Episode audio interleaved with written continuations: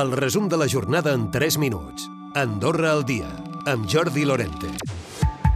L'habitatge torna a ser el principal problema del país segons l'enquesta de l'Observatori del primer semestre d'aquest any que ha elaborat el grup de Sociologia d'Andorra Recerca i Innovació.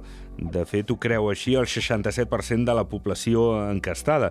És un percentatge que ha crescut 3 punts al darrer mig any i que és més alt des que recullen les dades, el 2002. Una gran majoria dels que ho pensen tenen entre 30 i 64 anys. També destaca la preocupació sobre el salari, al voltant del 18% de les persones consultades, o el trànsit, en un 17%. També preocupa el nivell de vida car a un 14% de la mostra. I la salut mental també és un dels principals problemes de la ciutadania. Segons l'Observatori, gairebé un 40% de la població mostra símptomes compatibles amb la depressió. Les dones amb una situació econòmica delicada són les més afectades. El que més preocupa és l'evolució, i és que ha passat del 28% al 38% en només dos anys. El coordinador de recerca d'Andorra Recerca Més Innovació és Joan Micó. Veure com evoluciona. Eh?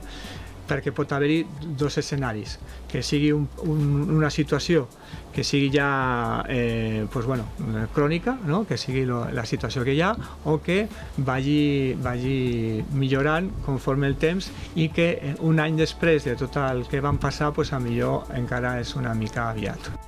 Les prestacions socials a les persones amb discapacitat van créixer l'any passat gairebé un 6% en comparació amb el 2021.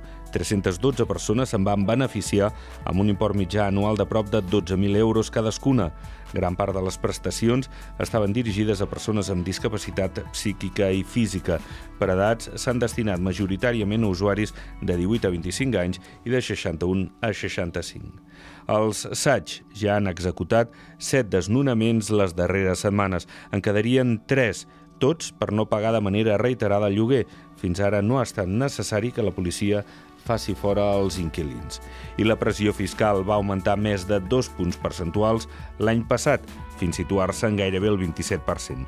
És la xifra més alta, almenys, dels darrers 5 anys, una dada que es pot obtenir a partir de l'estimació del PIB i el tancament dels ingressos tributaris.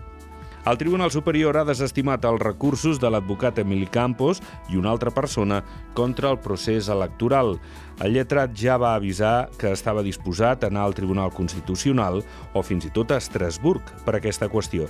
Recordem que les iniciatives van començar quan l'advocat va denunciar irregularitats en el procés de votació que posarien en dubte la transparència dels comicis.